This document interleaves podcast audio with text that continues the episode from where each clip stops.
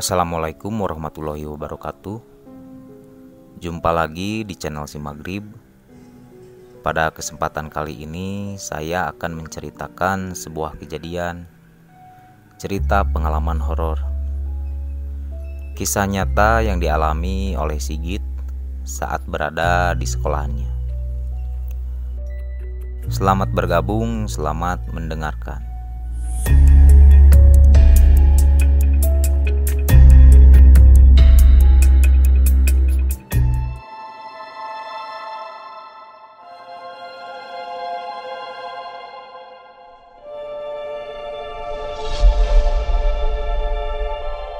Panggil saja namaku Sigit.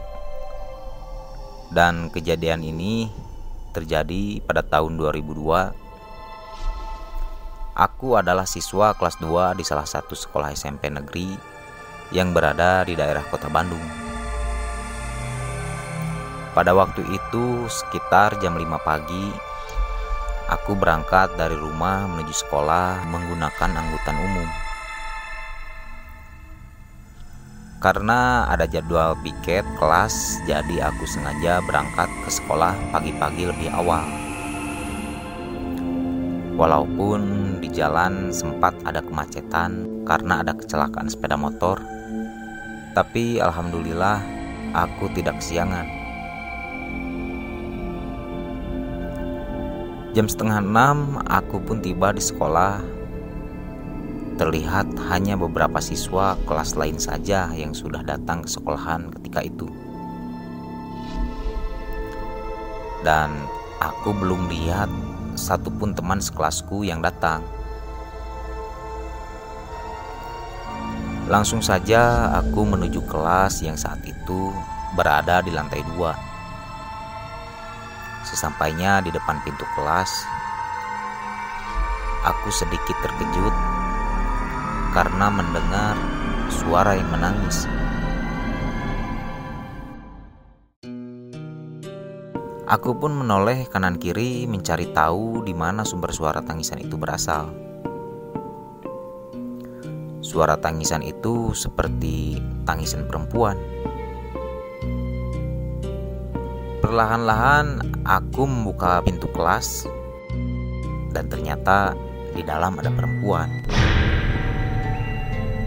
sedang duduk di bangku sambil menunduk dan menangis. Sepertinya aku mengenal suara itu. Ya, ternyata dia adalah Desi, teman sekelasku. Dalam hati aku bertanya, kenapa dia menangis?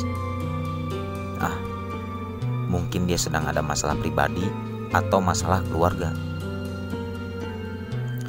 Lalu aku menghampirinya dan aku tanya dia, "Kenapa kamu nangis, Des?"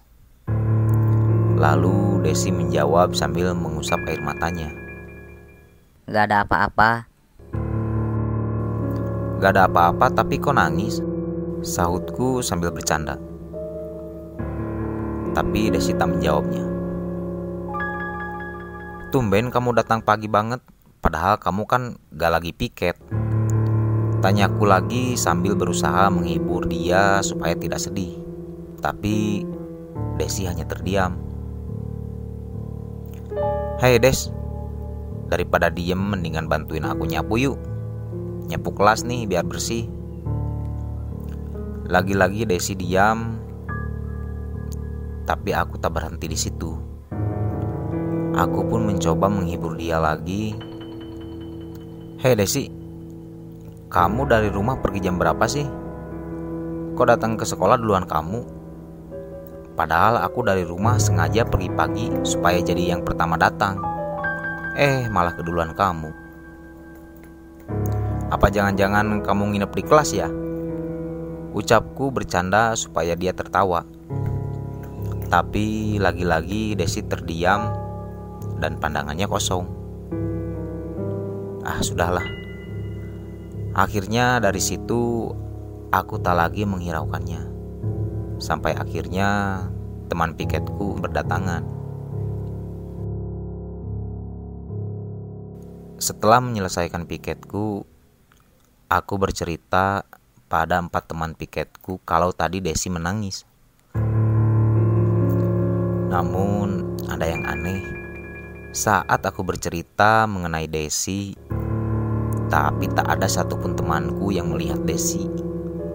Padahal jelas-jelas Desi tadi duduk di sini. Aku pun menoleh untuk memastikannya dan ternyata Desi tidak ada. Mungkin saja Desi lagi ke toilet, tegasku pada teman-teman. Singkat cerita, waktu pun berlalu. Sampai waktu itu, tepat jam 9 pagi, saat kelasku sedang mengikuti kegiatan belajar, kelasku kedatangan wali kelas. Dari gerak-gerik yang aku lihat, wali kelasku ini sepertinya akan menyampaikan pengumuman.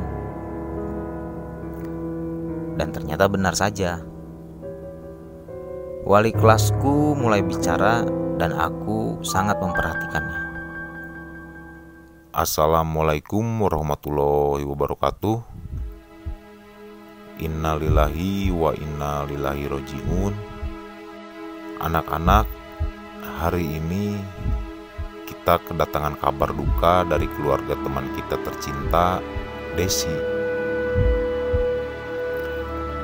Tepatnya dini hari tadi jam 5 lebih 15 saat berangkat dari rumah menuju sekolah. Desi, teman sekelas kita, mengalami kecelakaan sepeda motor di jalan dan nyawanya tidak bisa diselamatkan.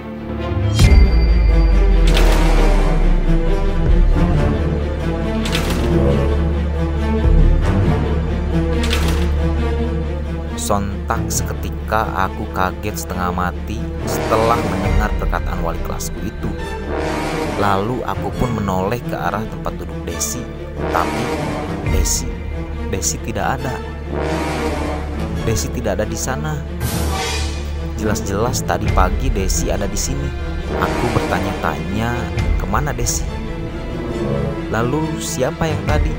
Siapa yang tadi menangis dan siapa yang tadi aku ajak ngobrol?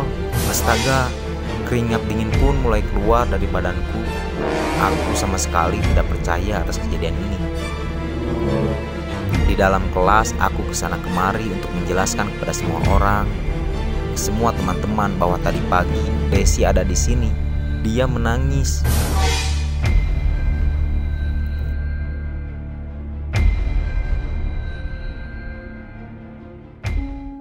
Namun, teman-temanku hanya diam, seolah aku sedang membuat lelucon. Setelah kejadian itu, aku dihampiri keempat teman piketku dan mereka percaya bahwa aku memang melihat Desi. Dan satu pesan yang aku dapat dari kejadian ini adalah mungkinkah Desi datang hanya untuk berpamitan. Wallahu alam.